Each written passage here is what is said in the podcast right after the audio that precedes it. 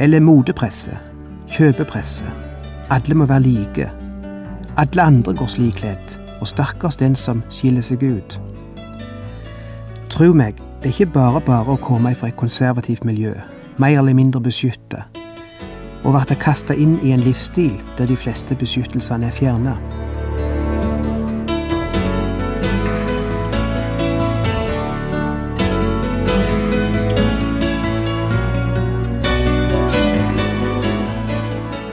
Hjertelig velkommen til et nytt program i serien Vindu mot livet. Vindu mot livet er basert på programserien Insight for Living ved Chuck Svindal. Programmet er produsert av Kristen Riksradio og blir ledet av Ola Bjoland.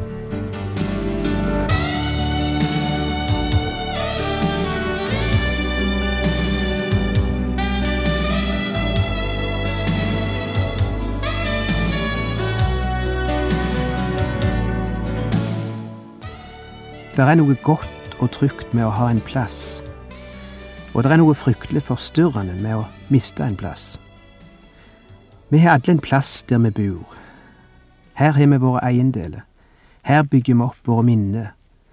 På denne plassen er det vi eter, sover og kler oss, leser og tenker. Her er det vi friskner til når vi har vært sjuke.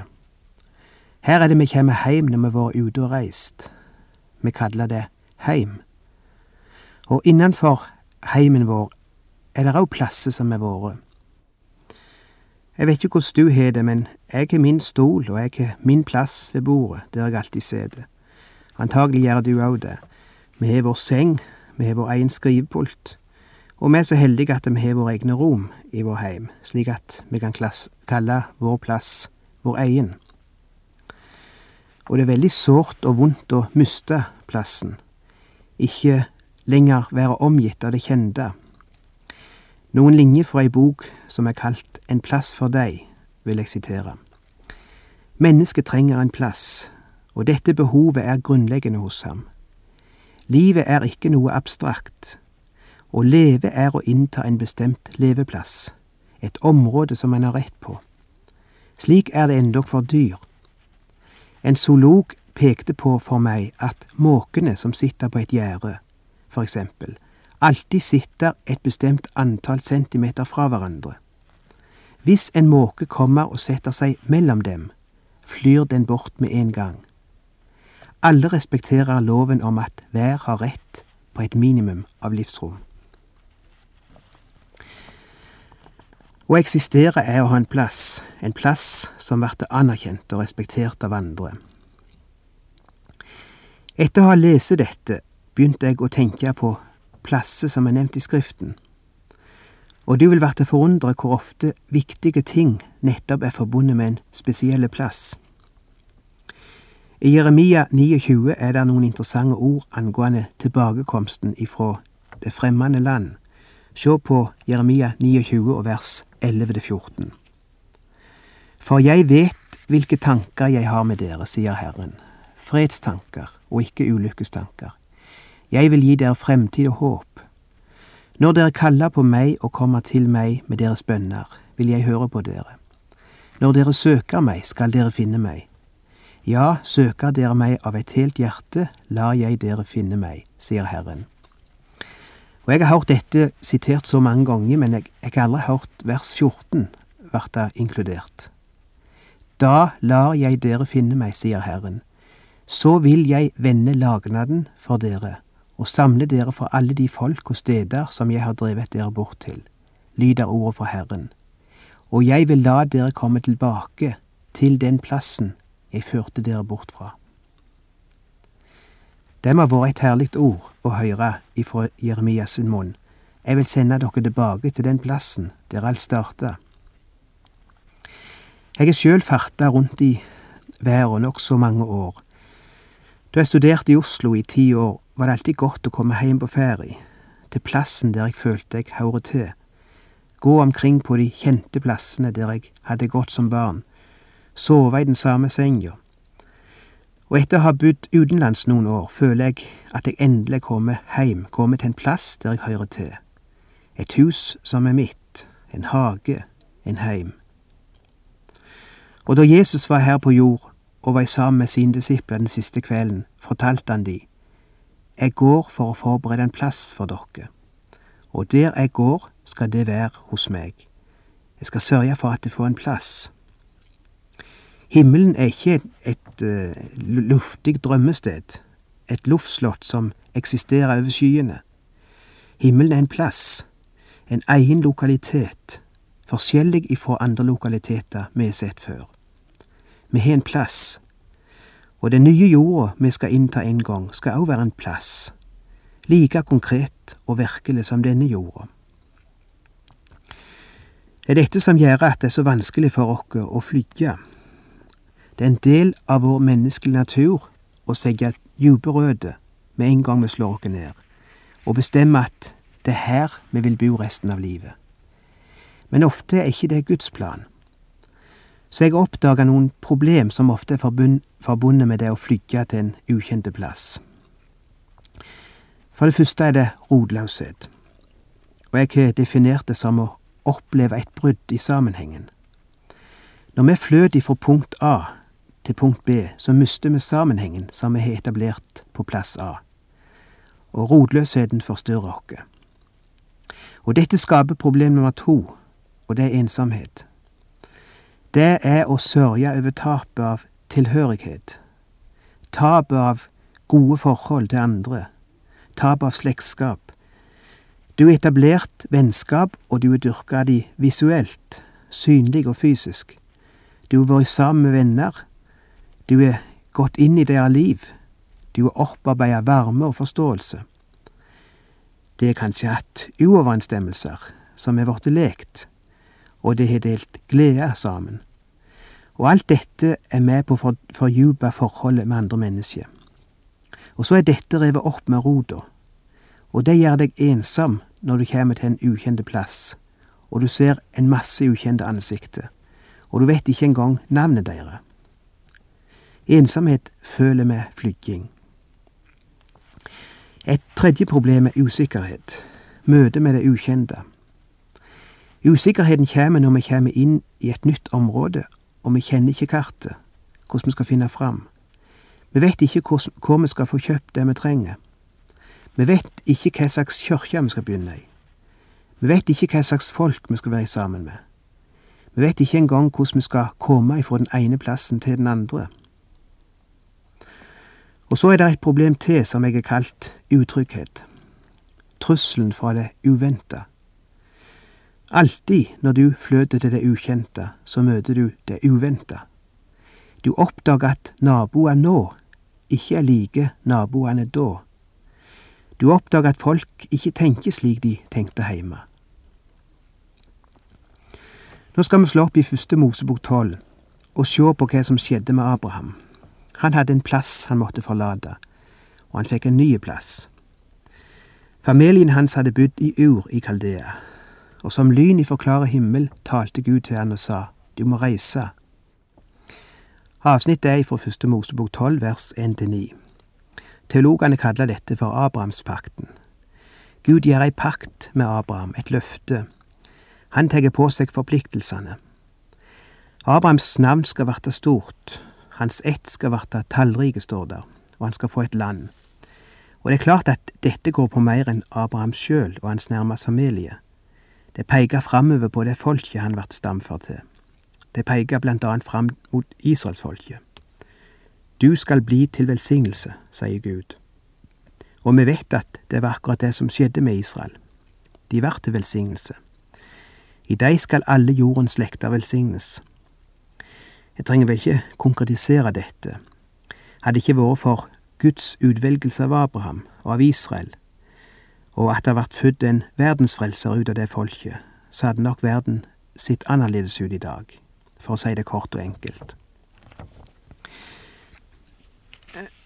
Sist gang snakket vi en del om det å flygge, både rent bokstavelig, men òg det å være bevegelig som kristen, være mobil, ikke gro fast om det å bryte opp av og til. Vi snakket om å være i Guds ledelse, å være åpen for Hans kall, osv. Og, vi leser om Abraham som fikk dette synet, og vi skulle nok likt å ha, å ha det slik som Abraham, at Gud talte direkte og klart til oss om hva vi skulle gjøre i den og den situasjonen. Ville ikke det vært fint? Å verte vekte midt på natta av Gud og høre Han si, Dette er Gud, jeg vil at du skal flytte til Finnmark, for eksempel. Det ville vært så enkelt, liksom, så klart. Men så enkelt er det ikke for de fleste av oss. Ofte er det en lang prosess å verte klar over Guds vei. Vel, tilbake til Abraham. Han er nå brutt opp og er på vei ifra det kjente og trygge og inn i det ukjente. Ettersom tida går, blir ting mindre og mindre kjent. Og til lenger de går, til lenger disse kamelene trasker over det ukjente ørkenlandet, til mer ukjent ser ting ut. Og hvis du er budt på en plass hele livet, så kan du knapt forestille deg hvor sårt det må være å oppleve mil etter mil passere, og livet blir mer og mer ukjent. Folk begynner å snakke annerledes. Folk begynner å oppføre seg annerledes. Skikkene er annerledes.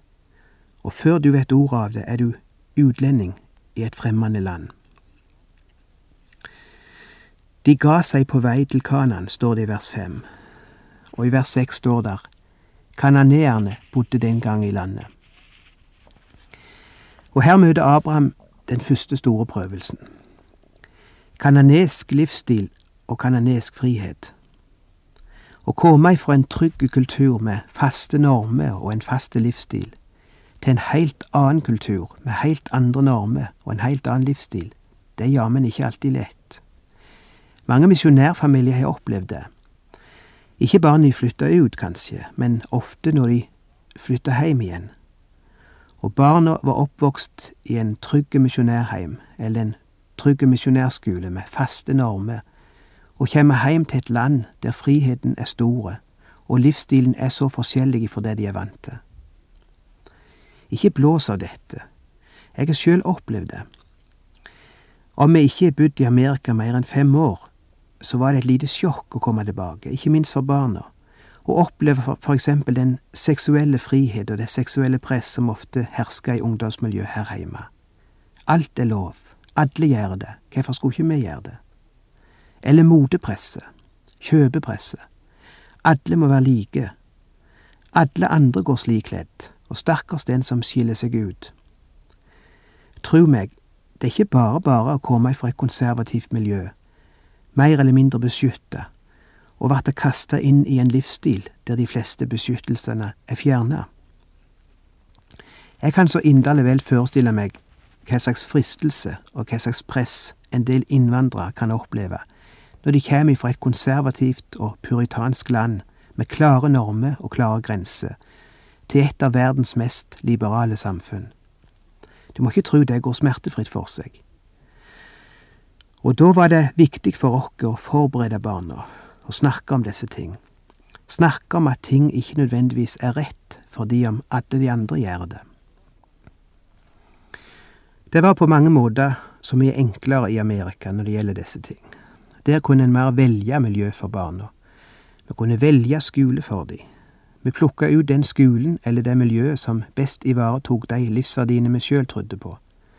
Der fikk de venner. Der gikk vi til kyrkja. Der gikk de på fritidsklubb. Der fikk de musikkundervisning. Der var de med på fotballag.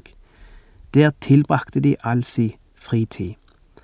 Du slapp den kolossale spenninga mellom de verdiene som rådde hjemme, og de verdiene som rådde på skolen eller i kameratflokken. Sjølsagt så vi eller så de miljøet med, òg med andre verdier, men det kom liksom ikke så nær innpå. I Norge bosetter vi oss i ei bygd eller i en by, og kan ikke i samme grad velge et miljø.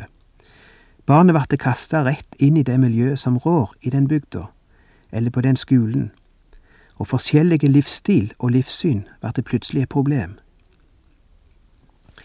Men jeg tror heldigvis vi brukte mye tid på dette, og at de til en viss grad var forberedt. Nå gjaldt det å vite hva en trodde på, og hva en ville, og være forberedt på kamp og fristelse og forfølgelse og mobbing, Å være forberedt på at det å måtte stå alene er en del av det å være kristen.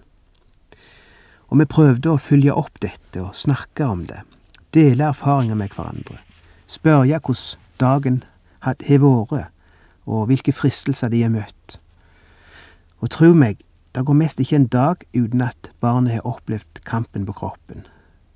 Du som er kristen, kan vel ikke gjøre det? Du kan vel ikke banne? Du tør ikke. Det er utrolig hvor mye styrke det ligger i å snakke sammen om disse ting, og be sammen om de. Og få barnet til å forstå at det er de som banner, som ikke tør. De tør ikke la være. De tør ikke skille seg ut. De er så feige at de må gjøre alt det de andre gjør, for de er ikke sterke nok til å stå alene og være annerledes. Vel, dette kunne vi snakket mye om. Jeg er veldig opptatt av dette, og jeg har også vært inne på det tidligere, at så lenge vi er forberedt på denne kampen, så lenge vi vet hva vi går til, og vet hva vi vil gjøre når vi møter dette presset, da er halve seieren vunnet. Hvor forberedt Abraham var, vet jeg ikke, men at han opplevde nye og store fristelser, det er det ikke tvil om. Og den vesle parentesen i vers seks som sier kananeerne bodde den gang i landet, det sier ganske mye om den moralske tilstand i landet den gang Abraham flytta dit. En hebraisk forsker har tatt for seg den historiske utviklingen av pornografi og umoral, og prøvd å følge den tilbake i tida og se hvor den hadde sitt utspring. Vet du hvor han fant røttene til den pornografi som flyter over oss i dag? Nettopp i den kananeske kultur og livsstil. Der florerte han fritt. Og dette var det Abraham fant da han kom der.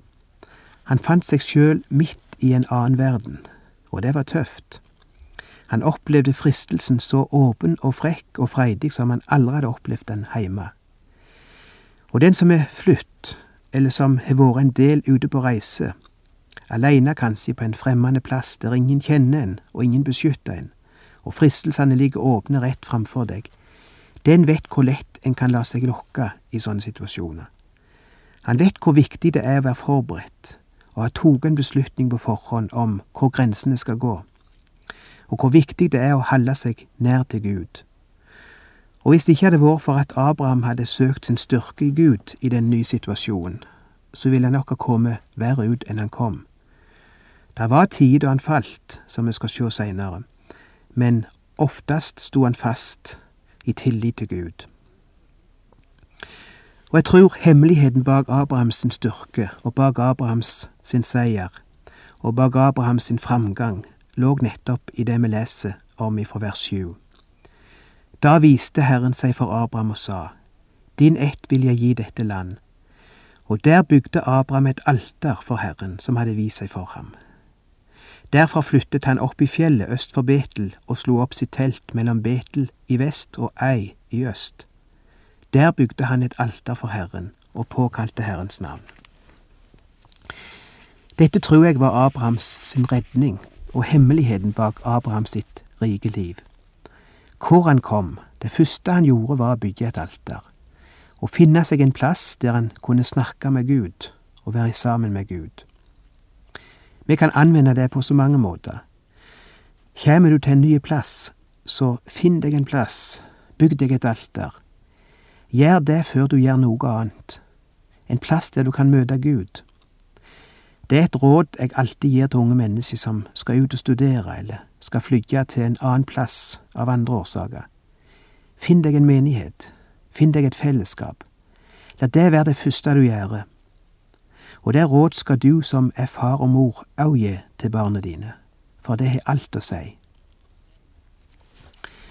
Hvordan er det med ditt alter? Det spiller ingen rolle hva ord du bruker, om du kaller det de stille stund, eller du kaller det morgenandakt, eller husandakt eller bønnestunder. Hvor står det til med ditt alter? Møter du fremdeles Gud? Gir du han fremdeles tid og plass til å møte deg og til å snakke med deg? Henter du styrke ifra hans nærhet, og bygger opp din karakter slik at du kan klare å stå alene? Våre alter kan se så forskjellige ut. Noen har sine stunder med Gud i bilen på vei til arbeid. Noen ved kjøkkenbenken, noen i senga, noen mens de går på tur. Noen innreder til og med et spesielt rom i huset med hvit duk og stearinlys, et lite bønnerom. Og jeg har faktisk òg sett noen som bokstavelig talt har lagd et lite alter i stua, med bønnekrakk og lesepult og en bibel og et par stearinlys og et bilde hengende på veggen over. Og jeg vet at noen blåser av slikt, og mener at det er mer billedyrkelse og alterdyrkelse enn sanne gudsdyrkelse. Men jeg er ikke så sikker på det. Abraham stilte seg ikke opp midt ute på marka når han skulle be. Han kunne godt ha gjort det òg. Gud var ikke avhengig av noe spesielle plass, men kanskje Abraham sjøl var det. Han bygde et alter. Han trengte en faste plass, en plass som sto der, som minte han om å avstege tid, en plass som stemte sinnet til andakt. Det er interessant at Abraham, som Gud ofte talte så direkte til, og åpenbarte seg så direkte for, enten han var ute på marka eller han satt heime utenfor teltåpningen, som visste at Gud var uavhengig av bestemte plasser og bestemte ting.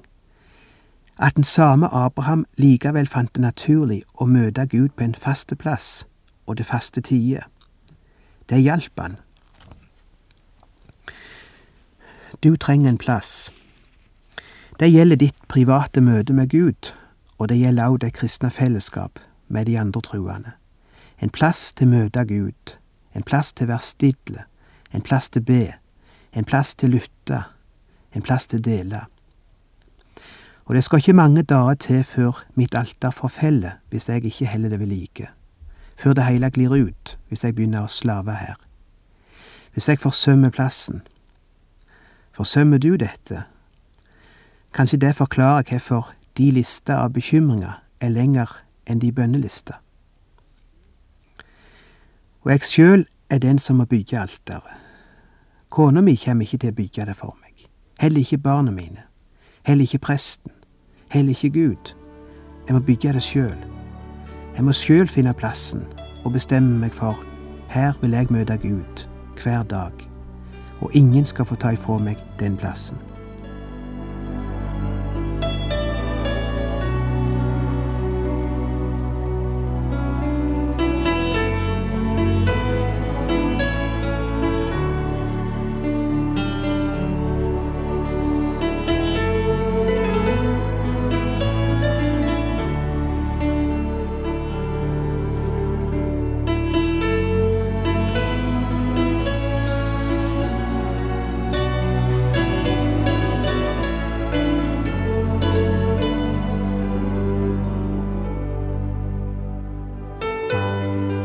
Lytta til Ola Bjoland i serien 'Vindu mot livet' fra Kristen Riksradios arkiv. Ola Bjoland var ansatt i Kristen Riksradio til han døde i 2002.